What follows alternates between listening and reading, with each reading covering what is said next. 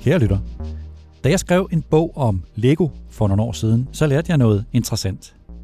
Jeg lærte, at den klods af plastik, som Lego laver, den kan, helt modsat hvad man skulle tro, godt klare sig i konkurrencen fra alle de digitale legetilbud, som børn får alle vegne i vore dage. På en eller anden forunderlig måde, så tilbyder den gamle klods af plastik en byggeoplevelse, en slags kreativ tilfredsstillelse, som er så unik, at den stadig tjener milliarder af kroner hjem til Lego i Bilund. Men nu, nu tager Lego og Legos ejere pengetanken Kirkby et helt usædvanligt skridt. De går sammen med den store amerikanske spiludbyder Epic Games for at forsøge at tage en position i det endnu ukendte digitale univers, det som kaldes for Metaverse. Hvorfor gør Lego det? Hvad vil Lego i fremtidens Metaverse?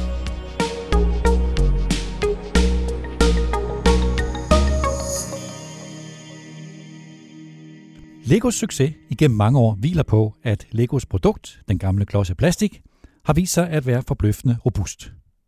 Forklaringen er, som nævnt, at klodsen tilbyder en byggeoplevelse, som digitale legeoplevelser ikke kan konkurrere med. Det var den indsigt, der reddede Lego fra virksomhedens krise for cirka 20 år siden. Lego havde dengang tabt troen på plastikklodsen og forsøgte at bringe sit Lego-brand i spil i mange andre sammenhænge, tøj, bøger, ure, film og digital legetøj. Men det gik ikke, og i sidste øjeblik, før at det gik helt galt, så forstod de i Lego, at deres kerneforretning, plastikklodsen, var meget mere værdifuld, end de egentlig var klar over. Men uanset klodsens popularitet, så er Lego nødt til at lykkes i den digitale verden. Trods alt. Fremtiden er uforudsigelig, og alle virksomheder, også en Lego, skal være til stede i den digitale verden.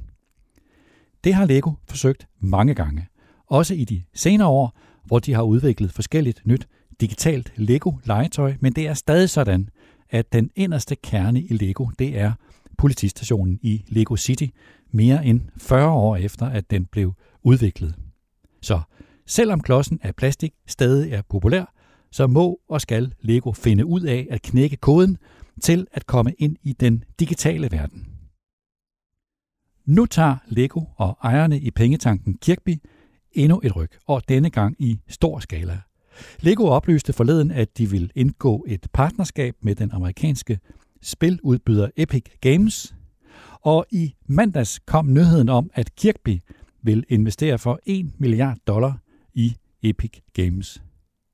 Japanske Sony vil også investere 1 milliard dollar, og kinesiske Tencent er blandt de øvrige aktionærer. Så det er nogle store drenge, som Lego leger med nu.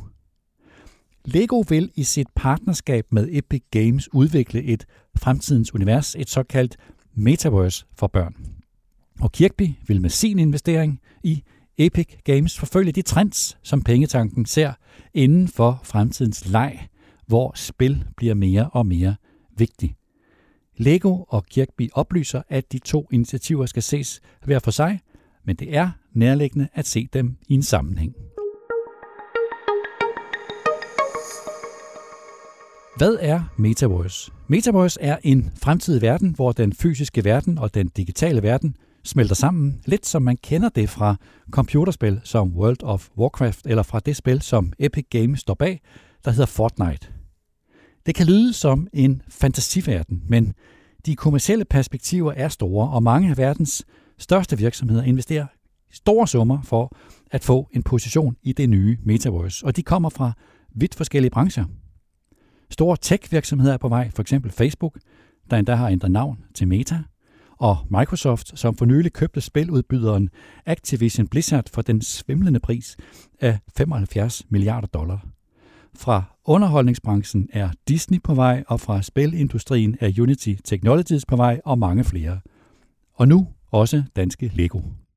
Det er nok ikke tilfældigt, at Kirkby og Lego går sammen med en spiludbyder som Epic Games. Spilindustrien vokser voldsomt i de her år, og erfaringerne fra spil kan vise sig at blive vejen ind i fremtidens metaverse. Topchefen for Microsoft, Satya Nadella, taler om, at spil kan blive det, der udvikler den næste generation af internettet. Og i Goldman Sachs podcast, den hedder Exchanges at Goldman Sachs, fortæller Yun Min, leder af Global Technology, Media og Telekom i banken om det. Jung Min fortæller, at forretningsmodellerne har ændret sig i takt med, at teknologien har ændret sig. Først kom Microsofts styresystem Windows, som andre måtte orientere sig imod. Så kom søgemaskiner som Google og tiltrak annoncering. Og så kom det mobile internet med Apple og Googles App Stores. Når man ser på tværs af den udvikling, så har store platforme haft en stærk position, når det gælder om at have lønsomme forretningsmodeller. Det store spørgsmål, vurderer Jung Min, er, om vi nu ser ind i det næste trin i den udvikling. Citat. Hvis spil er vejen til det næste internet, vil der opstå nye platformsvirksomheder, der vil blive vigtige. Nogle af dem vil være de gamle, som vi kender, men forskellige virksomheder vil blive mere eller mindre vigtige i denne nye verden. Citat slut, siger Jung Min.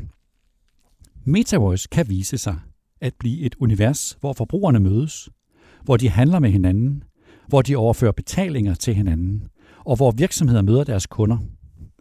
Hvis det sker, så vil nye forretningsmodeller opstå, og med nye vinder og tabere, og det kan vende op og ned på alt og alle i erhvervslivet, og også hos erhvervslivets kunder.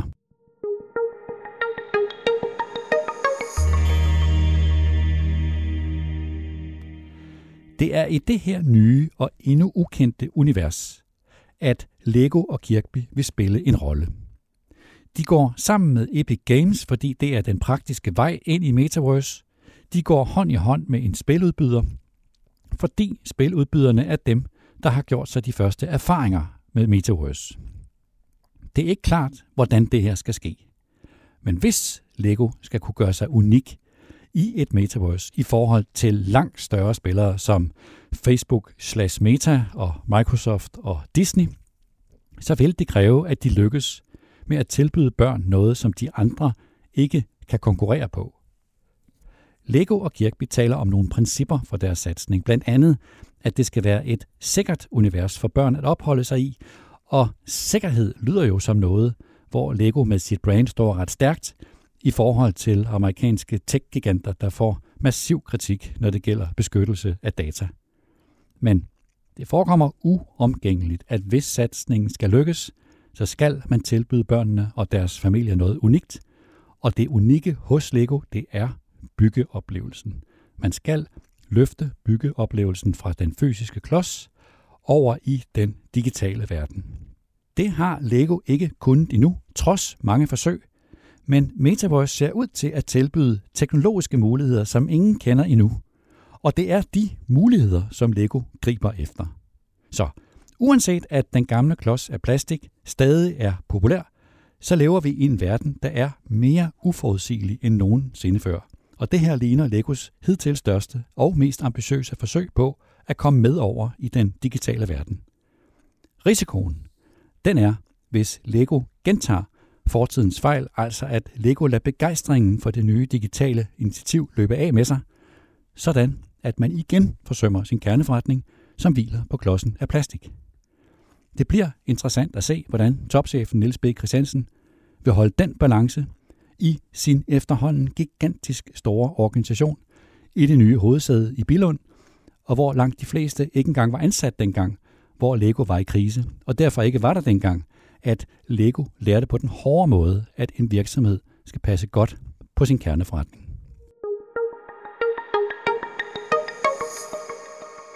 Jeg var til et sjovt møde i den københavnske Sydhavn forleden, i en nedlagt lagerhal. Det var en slags træf, nærmest en slags mini-Roskilde Festival, Sådan kunne det i hvert fald se ud for det utrænede øje. Og de mennesker, der mødtes, der var nok omkring 500, det var det danske tech-startup-miljø. Tech-startup er et miljø, som jeg har dyrket i en del år efterhånden. Og det har givet mig en del aha-oplevelser, og det har lært mig nogle vigtige ting. Det startede for 7-8 år siden efterhånden. Jeg var begyndt at lægge mærke til tech-startupper. Det var sådan lidt et undergrundsagtigt miljø, og de var i hvert fald ikke nogen, der var en del af det såkaldt etablerede erhvervsliv. Jeg var nysgerrig, så jeg rakte ud til nogle af dem, og jeg var rundt og mødes med dem, jeg mødtes med David Helgesson og Jesper Buk og Tommy Alers, Det var dengang, han ikke var så kendt, som han er nu. Thomas Madsen Mygdal, Simon Sylvest, Heine Zachariasen, Jakob Jønk, og efterhånden mødte jeg flere og flere. Camilla Lage Valentin og Mette Lykke, og jeg mødte også Agnit Singh, der laver den årlige Tech Barbecue. Det gik op for mig dengang, at vi her i landet havde nogle mennesker, som var ret unikke egentlig. Nogle af dem begyndte at samles og holde møder i regi af et netværk, som de kaldte for Copenhagen for the Win. Der var jeg også med, og det gik op for mig, at jeg næsten ikke kendte nogen. Jeg kender ellers alle i dansk erhvervsliv. Altså, okay, ja, sådan næsten alle der. Men her kendte jeg næsten ingen, og jeg fik mange forskellige indtryk. Det var kaotisk, der var høj musik, der var åbenhed, der var energi, der var en ret lige fordeling af mænd og kvinder, og der var mange unge mennesker, nok omkring 25-30 år.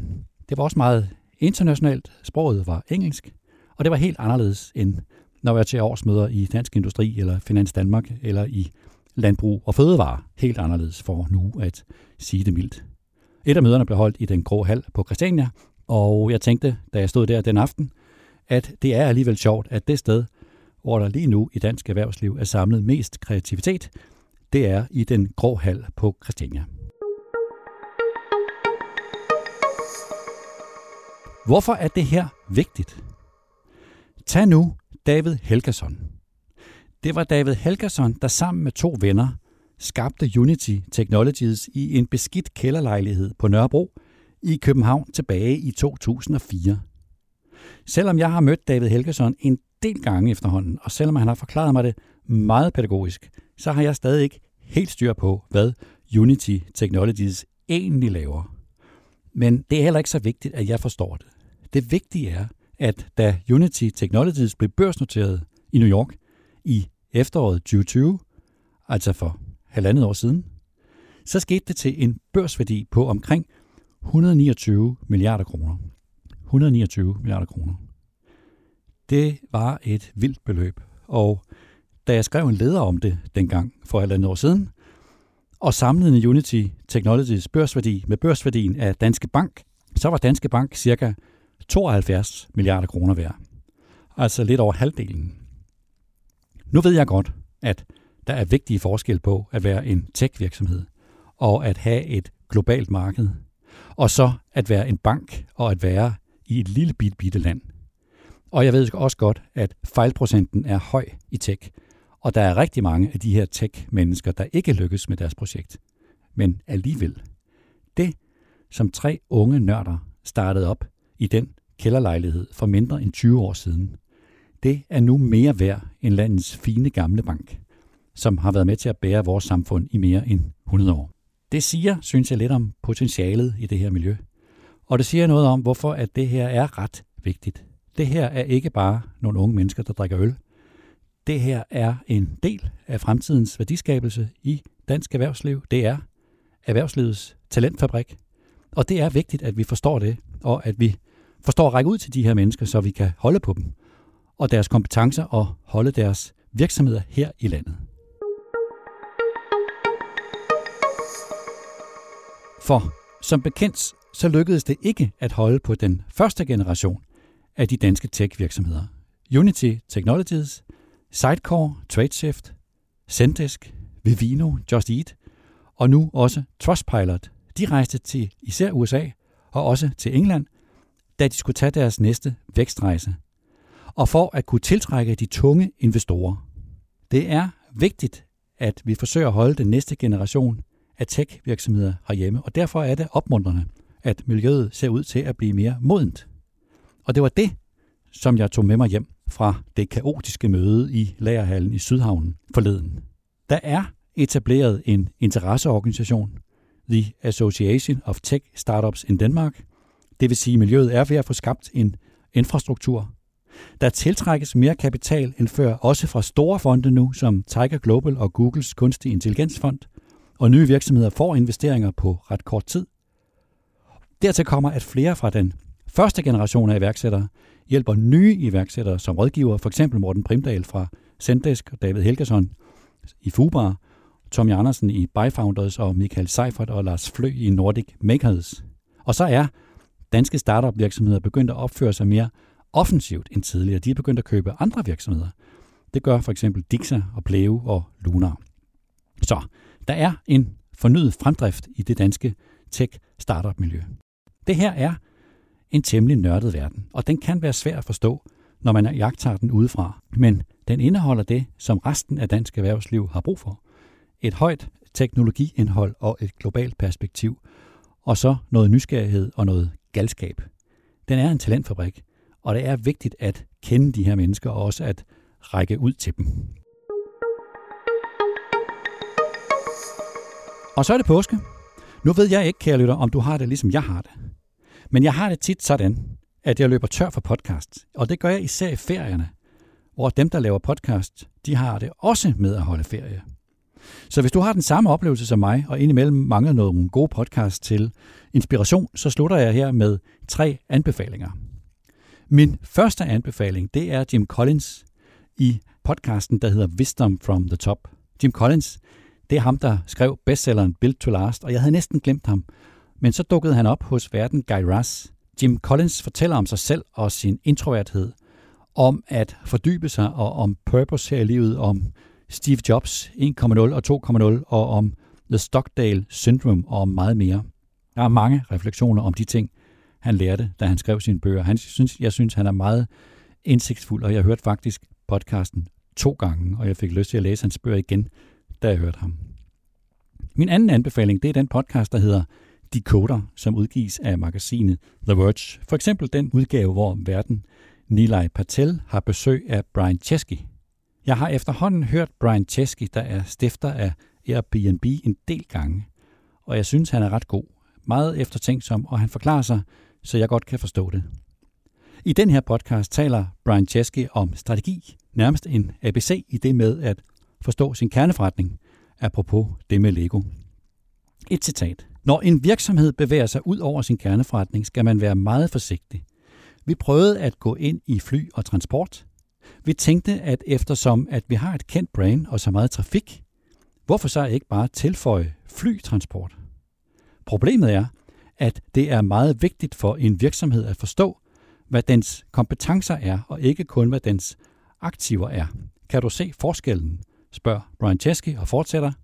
Vores aktiv er et brand og trafik, men har vi kompetencerne til at fylde sæder i et fly? Det er en helt anden muskel og har ikke noget at gøre med at placere mennesker ind i andres hjem. Det her er en meget almindelig fejl, at folk tror, at deres aktiver er deres kompetencer. Citat slut. Brian Chesky. Og så for det tredje, så er der en podcast, der hedder Land of the Giants.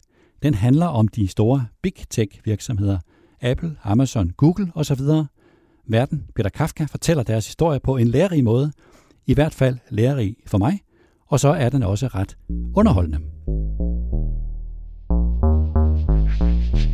Det var denne uges udgave af podcasten Topchefernes Strategi. Lidt tidligere end normalt på grund af påsken. Stor tak til Peter Emil Witt, der redigerede podcasten, og tak til dig, der lyttede med, og rigtig god påske.